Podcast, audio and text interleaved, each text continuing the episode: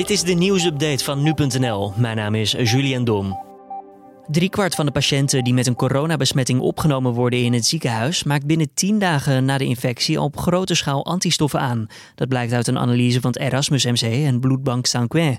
Het toedienen van andermans antistoffen heeft daardoor amper effect, waardoor de leidende Con-COVID-studie naar toedienen van antistoffen per direct gepauzeerd is. Mogelijk wordt de studie met andere patiënten voortgezet, bijvoorbeeld door de antistoffen in een eerder stadium toe te dienen. Het zou dan gaan om patiënten die wel klachten hebben, maar niet in het ziekenhuis zijn opgenomen, en kwetsbaren die een grotere kans hebben om alsnog opgenomen te worden in het ziekenhuis.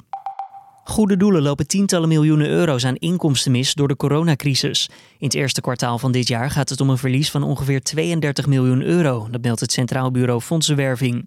Tot en met september verwacht het CBF dat het verlies verder oploopt met nog eens 38 miljoen euro. Vooral kleinere goede doelen worden hard geraakt door de coronacrisis. Zij moesten het afgelopen kwartaal verder met zo'n 15% minder inkomsten.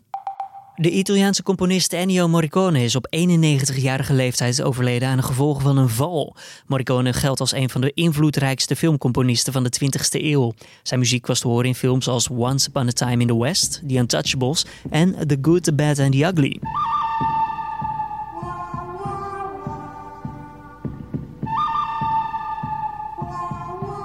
De afgelopen jaren werkte Morricone ook samen met de Amerikaanse regisseur Quentin Tarantino aan de film The Hateful Eight.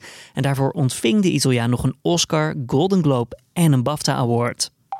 Hans P. is op 3 juli opgestapt als de hoofdredacteur van de Gaykrant na een arrestatie. Het OM wil enkel kwijt dat een 44-jarige man uit Amsterdam vastzit vanwege een zedendelict. Meer informatie is niet bekend. P richtte in 2017 de vernieuwde vorm van de Gaykrant op, nadat het maandelijkse tijdschrift in 2013 failliet werd verklaard.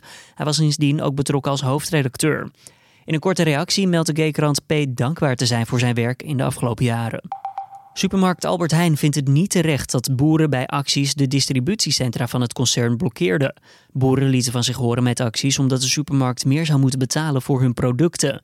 Albert Heijn meldt de zorg te begrijpen, maar dat het bedrijf niet de problemen van alle boeren in Nederland kan oplossen.